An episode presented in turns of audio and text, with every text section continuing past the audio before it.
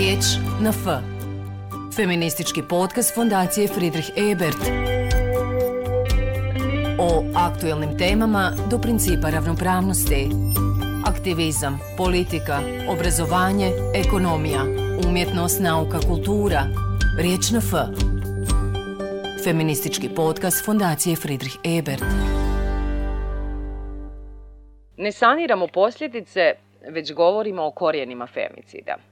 U novom izdanju podcasta Riječ na F, ja sam Ines Baždalić i želim vam dobar dan.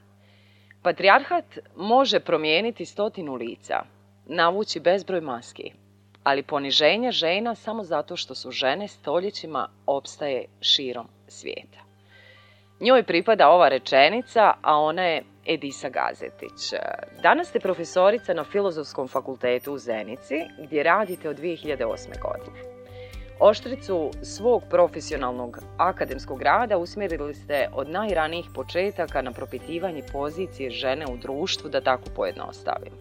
Priča počinje u Tuzli, vašem rodnom gradu, gdje ste završili bosanski jezik i književnost, a zatim slijedi odbrana magisterija tema žensko pismo, ženski subjekt i reprezentacija ženstvenosti u bosansko-hercegovačkoj književnosti. Ja bih voljela da približimo ili oslikamo taj lični motiv, primordijalnu emociju od koje je sve počelo, pa nastavilo između ostalog radom na tekstu pod naslovom Zlostavljački obrazci patriarhalne kulture i strategija davanja i uzimanja života, kojeg ste objavili 2003. godine u časopisu Zeničke sveske. Dakle, to je počelo, mislim da je počelo dakle, na poslijediplomskom studiju. Zašto sam dakle, se odlučila da se bavim feminističkim dakle, čitanjem naše književnosti i kulture? Mislim da je zato zaslužna profesorca Nirman Moranjak Bamburač, koja je na poslijediplomskom bila moja profesorca, kasnije i mentorica i njeno dakle, predavanje o feminističkoj teoriji kritici kao i rasvjetljavanje dakle, pozicije ženskog roda u bosansko-hercegovačkom kontekstu je bilo nekako presudno za mene da se bavim upravo ovim čime se dakle danas bavim i nekako je njena pozicija i njeno mentorstvo mene jednostavno usmjerilo u tom pravcu. Danas e, smatram da iako se dugo vremena jel, bavim istraživanjem pozicije ženskog roda u kulturi i književnosti, mislim da još uvijek nismo ja, dovoljno svistili dakle, ženski rod na ovom našem prostoru. Tako da mislim da je još uvijek uh, jako puno posla. Ne samo ispred mene, nego ispred svih onih koji se žele baviti propitivanjem rodnih uloga i pozicije rodova ja, u Bosansko-Hercegovačkom, ali i u ovom cijelom južnoslavenskom, balkanskom dakle, kontekstu. Primamljiva je vaša biografija, zbir radova i tema s kojim ste se bavili od fenomena ženskog pisma u književnosti do prizora silovanja u bosansko-hercegovačkoj prozi ili nepredstavljenosti ženskog subjekta u pripovjetkama Ive Andrića.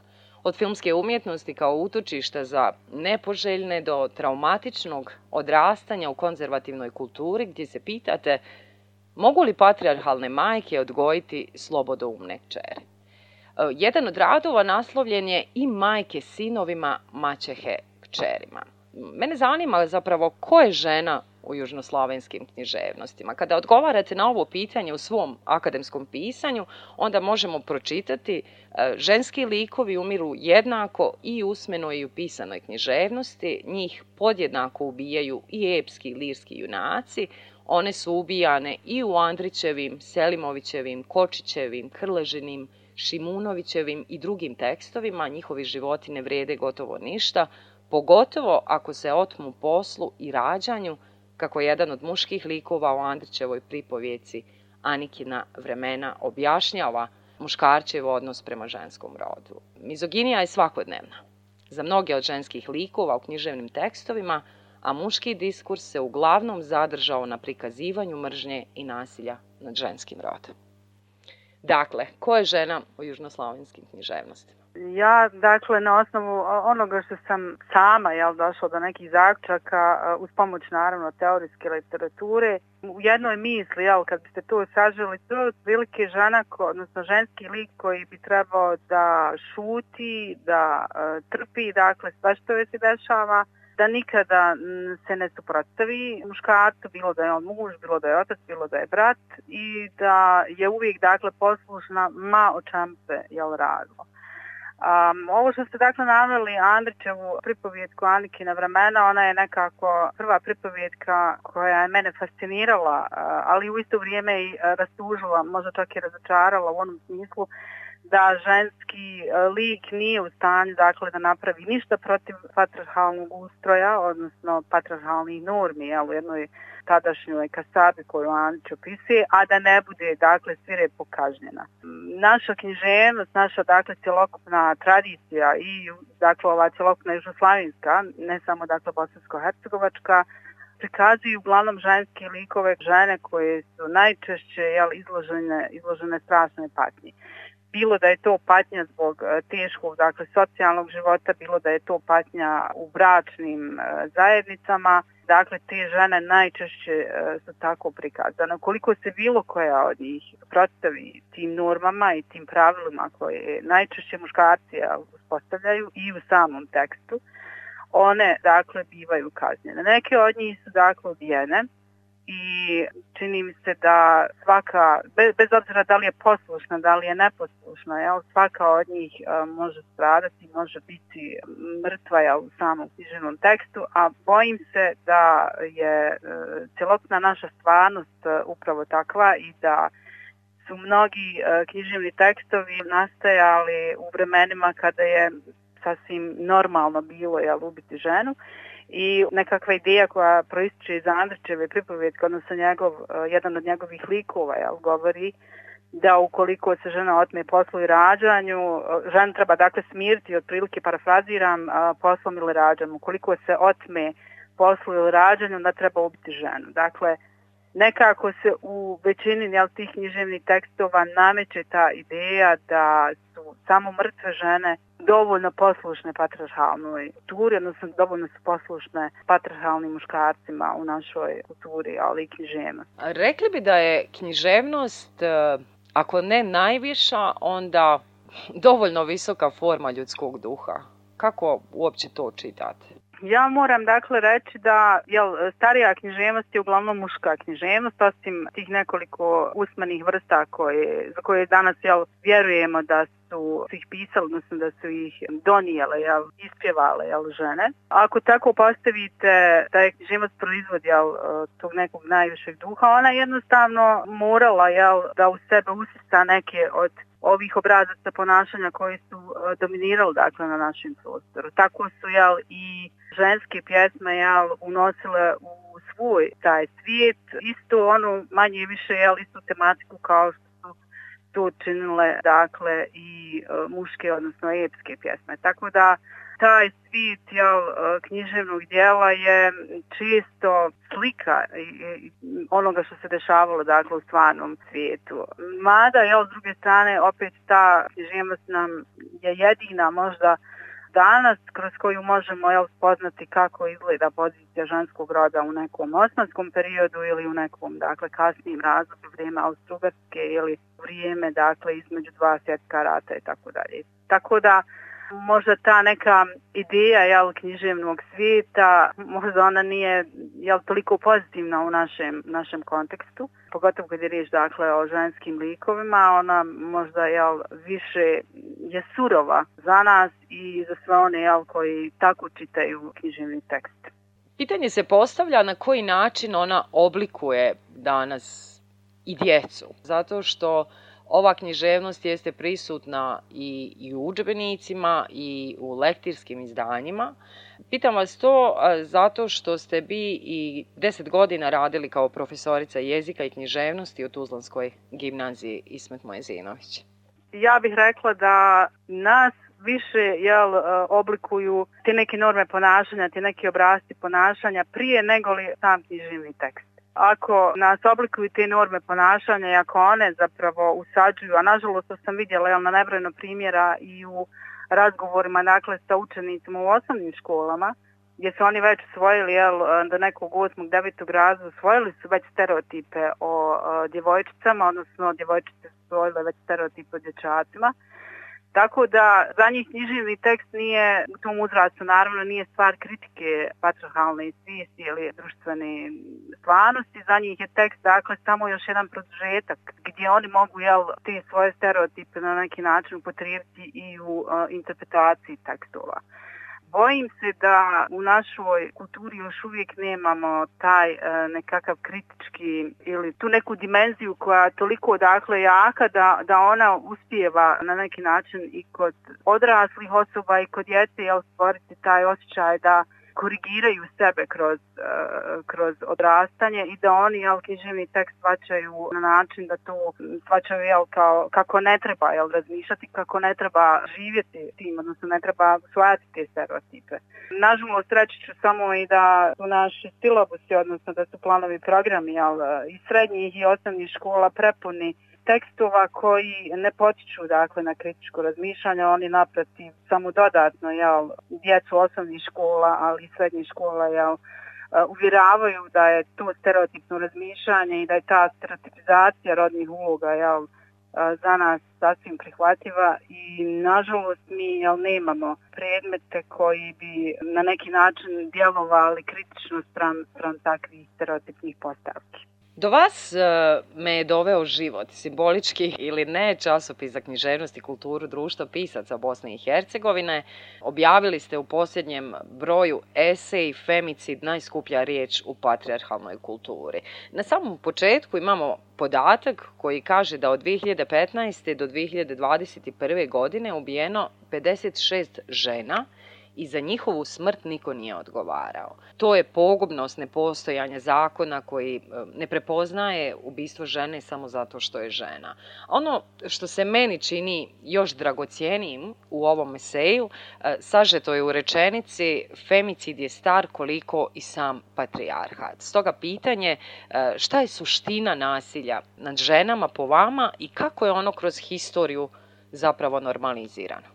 Tu ideju, dakle, da je femicid star koliko je patriarhat, mislim da zastupaju mnoge zapadne teoretičarke, da se one puno dublje i puno obsežnije bave istraživanjem srednjeg vijeka, ali i perioda koji su im dostupni ranije, jel, koji mogu sagledati koliko je žena ubijeno. Tako su recimo u Engleskoj postoje jel, podaci o tome koliko je žena ubijeno u 17. stoljeću i e, mnoge feministkinje jel, smatraju da je to također da se može smatrati e, oblikom femicida i oblikom dakle pretjerivanja, odnosno ubijanja žena zato što su se jel, prema mišljenju e, tadašnjih vlasti, ali ali u cijeloj Evropi katoličke crkve jel, bavile se radnjama koje e, nisu bile dozvoljene. Mi nažalost nemamo jel, tu mogućnost da istražujemo način na koji su žene na prostoru Bosne i Hercegovine jel, ubijane i prije nego što smo počeli voditi statistiku o, o tome koliko je svake godine ubijeni žena, tako da nemamo, e, nemamo neki uvid kako je to izgledalo možda u srednjem vijeku i da li je ovdje bilo takvih opsježnih opsežnih preterivanja žena.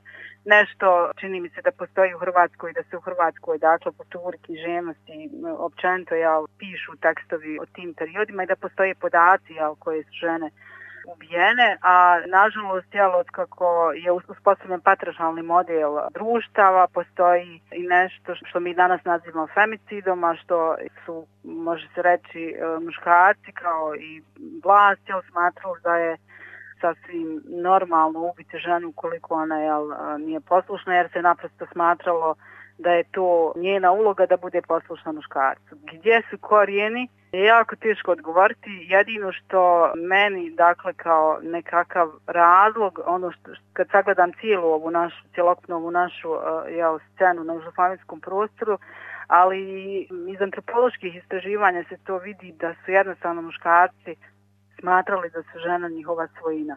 Dakle, oni su ženu jel, od najstarijih uh, monoteističkih, odnosno od monoteističkih tekstova jel, smatrali da je ona dio vlasništva, da je ona da ona pripada njima i da oni zaista nju tretiraju kao dio bilo kakvog jelimetka i da oni zaista sa njenim životom i sa njom mogu raditi što god žele.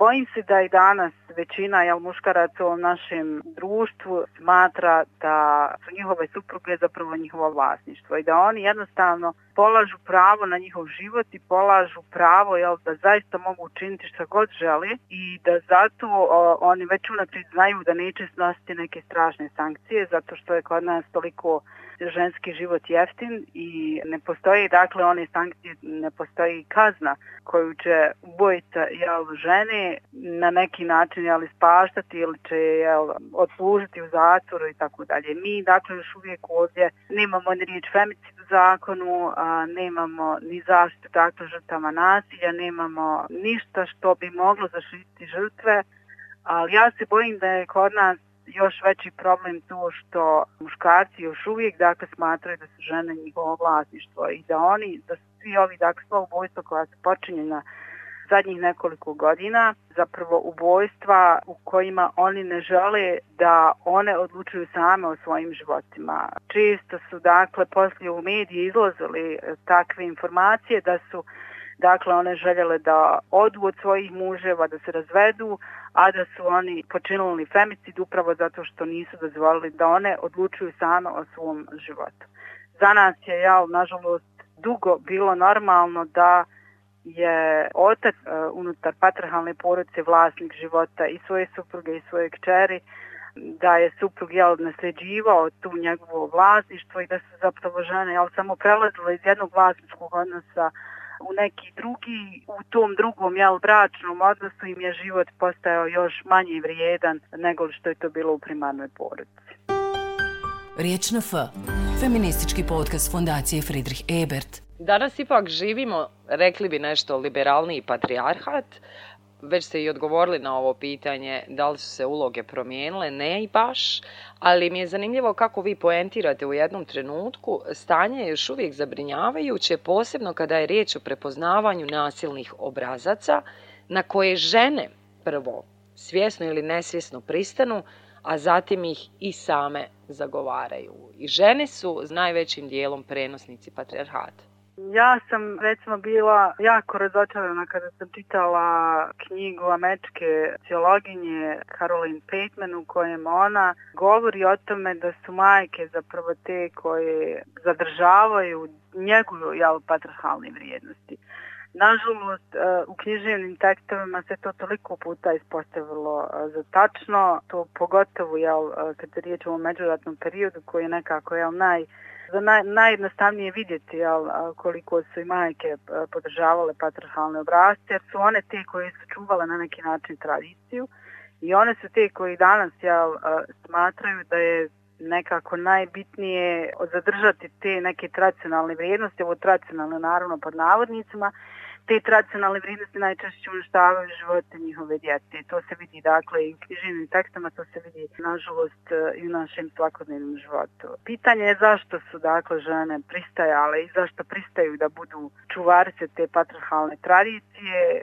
Jedan od odgovora je zato što žele dakle da se dopadnu muškarcima to je jel, da čine i rade ono što bi oni jel, na njihovom mjestu radili. Ukoliko je muškarac odsutan, on je najčešće u knjižnim tekstovima odsutan kada majke provode dakle, te patrihalne obrazce. A zašto to radi u našoj e, svakodnevnici i zašto su recimo poslije brojnih ubistava koja su se desila posljednjih godina, pa i ovog ljeta dakle, u gradaciji jednog od najsvirepijih ubistava koje smo mogli se dočiti, zašto su žene dakle na društvenim mrežama tako surovo komentirale ženu koja je ubijena, dakle nisu je uopće doživljavale kao žrtvu, nego se je više doživljavale kao sama je odabrala, zašto to, dakle, zašto na takav način ženski rod na ovom prostoru nema taj osjećaj prema drugoj ženi? Tu su, bojim se, fenomeni na koje ne znam da li bi ovaj iko danas uspio dati ne, neki približno tačan odgovor ili, ili neki, neki odgovor koji bi nas nekako zadovoljio. Ja ni sama, dakle, nisam u stanju da, da razumijem tu vrstu uh, odnosa ženskog roda, tu vrstu nesolidarnosti, ženske nesolidarnosti koja nekako čini mi se uvijek ključ za opstajanje patrihalnog sistema vrijednosti dakle, na ovom našem prostoru. Tako da bojim se da ću još, da ću još dugo istraživati zašto je ta dakle, ženska nesolidarnost i zašto žene jel, podržavaju patrihalnu dominaciju muškaraca i zašto je to njima nekako prirodno. Jel, da li to zaista samo zato što je prirodno jer smo mi naviknuti na to, jel? mi smo navikli da živimo u takvom sistemu vrijednosti, ili je to nešto sasvim drugo, dakle, e, strah od toga da, da preuzmu jel, neku odgovorniju poziciju i da preuzmu odgovornost za sebe, to da zaista nisam u stanju u ovom trenutku da odgovorim, a bojim se jel, da će, da, da će prući još vremena dok mi to svi shvatimo zašto je to tako. U časopisu Život e, objavljen je i rad na Ide Mujkić koji je osvrt e, na vašu novu knjigu. Iskoristit ćemo ovaj povod i e, da je najavimo nasilje nad ženskim rodom u bosansko-hercegovačkom međuratnom književnom diskursu. Vi ste ovdje također analizirali i nasljeđe Sevdalinke. Da, zapravo počela sam sa tim nekim uvodom jel, u taj diskurs um, nasilja nekako mi se činilo da bi trebalo početi jel, sa usmenom književnošću, pošto je ona nekako početak jel, našeg književnog razvoja, jel, da tako kažem. Premda naravno ne možemo zanemariti e, srednjevjekovnu književnu tradiciju, ali ona nekako nije tematski jel, bila usmjerena prema pozicijama, odnosno prema rodnim e, ulogama koje možemo pratiti od usmene, dakle, odnosno, odnosno se dalinkama, pa i epske, jel, epskog diskursa. Prvo sam razmišljala da li te dalinke na isti način, da li one promoviraju diskurs nasilja ili su zapravo jel, kritične prema nasilju nad ženama, ali jednostavno se mora jel, imati e, na umu da je svaka pjesma koju su žene ispjevale zapravo bila jel, vjerovatno situacija u kojoj su se neka od tih žena nalazile, tako da je jedini način u tom periodu da pokažete jel, kako je teško živjeti e, u takvom jednom sistemu vrijednosti je vjerovatno bila jedna od ovih ili palada ili sedalinki, e, dakle tih lirskih ili epsko-lirskih vrsta. Tako da mi se činilo jako bitnim da pokažem da a, nije samo dakle diskus prepun nasilja na ženskim rodom i nije samo tamo dakle nekako jel, prepuno te mizoginije i prepuno tih izrazito negativnih kvalifikacija prema ženskom rodu. To se dakle može vidjeti i u brojnim sedalinkama u kojima također dominiraju jel, e, ti patrahal, taj patrahalni svetonazor. Muški likovi su često dominantni i oni najčešće ukoliko su na bilo koji način povriđeni jel, ili su na neki način jel, shvatili da su žene za nešto kriva, oni jel, najčešće ili odsjecaju glavu ili ubijaju dakle na neki drugi način svoju ženu i tamo sam čak naišla i na nekoliko jel, scena u kojima ubijaju svoju suprugu koja je bila u poodmakloj trudnoći. To me nekako je podsjetilo i na onaj slučaj e, ubijene trudnice na Kosovu. Ne znam da li to bilo prošle ili pretpošle godine. Iz knježevnosti u akademski prostor zanima me koliko je akademski prostor u Bosni i Hercegovini, gostoljubivo mjesto za vaš kritički odmak prema nacionaliziranim književnostima. Ovo pitanje vam postavljam dok imam u vidu e, još jedan vaš rad naslovljen užas i studiranja akademska zajednica u službi mizoginije. Pa ja ne mogu reći da um, imam dakle neki problem ili neki otpor od strane bilo koga. Časopisi u kojima objavljujem dakle su često časopisi koji upravo promoviraju takav jel, kritički diskurs sprem uh, ali i nacionalističkog jel, svetonazora. Ne mogu reći da sam nailazila na, na neki, neku vrstu jel, takvog snažnog otpora protiv onoga e, čime se bavim, odnosno ono što objavljujem ali moram reći da mi u akademskoj zajednici još uvijek nemamo onu vrstu svijesti koju bismo trebali imati kad je riječ dakle, o nasilju koji postoji u samom obrazovnom sistemu. To još uvijek nije dakle, dovoljno istraženo i bojim se da ta tema će još uvijek e, dakle, biti tema koju se moramo stalno vraćati i podaci jel, koje imamo i koje smo mogli vidjeti i na stranici nisam tražila su dakle zastrašujući gdje su i učenice osnovne škole is, e, pisale dakle svoje ispovijesti. Tako da nama nedostaje jel, ta neka vrsta e, ne samo u akademskoj zajednici nego u cjelokupnom obrazovnom sistemu. Dakle nedostaje nam nešto što bi bio jel, nekakav oslonac u tom mijenjanju te patrihalne svijesti mijenjanju dakle tih stereotipa mijenjanju i razumijevanju naj, najprije jel, tih stereotipnih rodnih uloga u našoj društvenoj stvarnosti. Posljednje pitanje.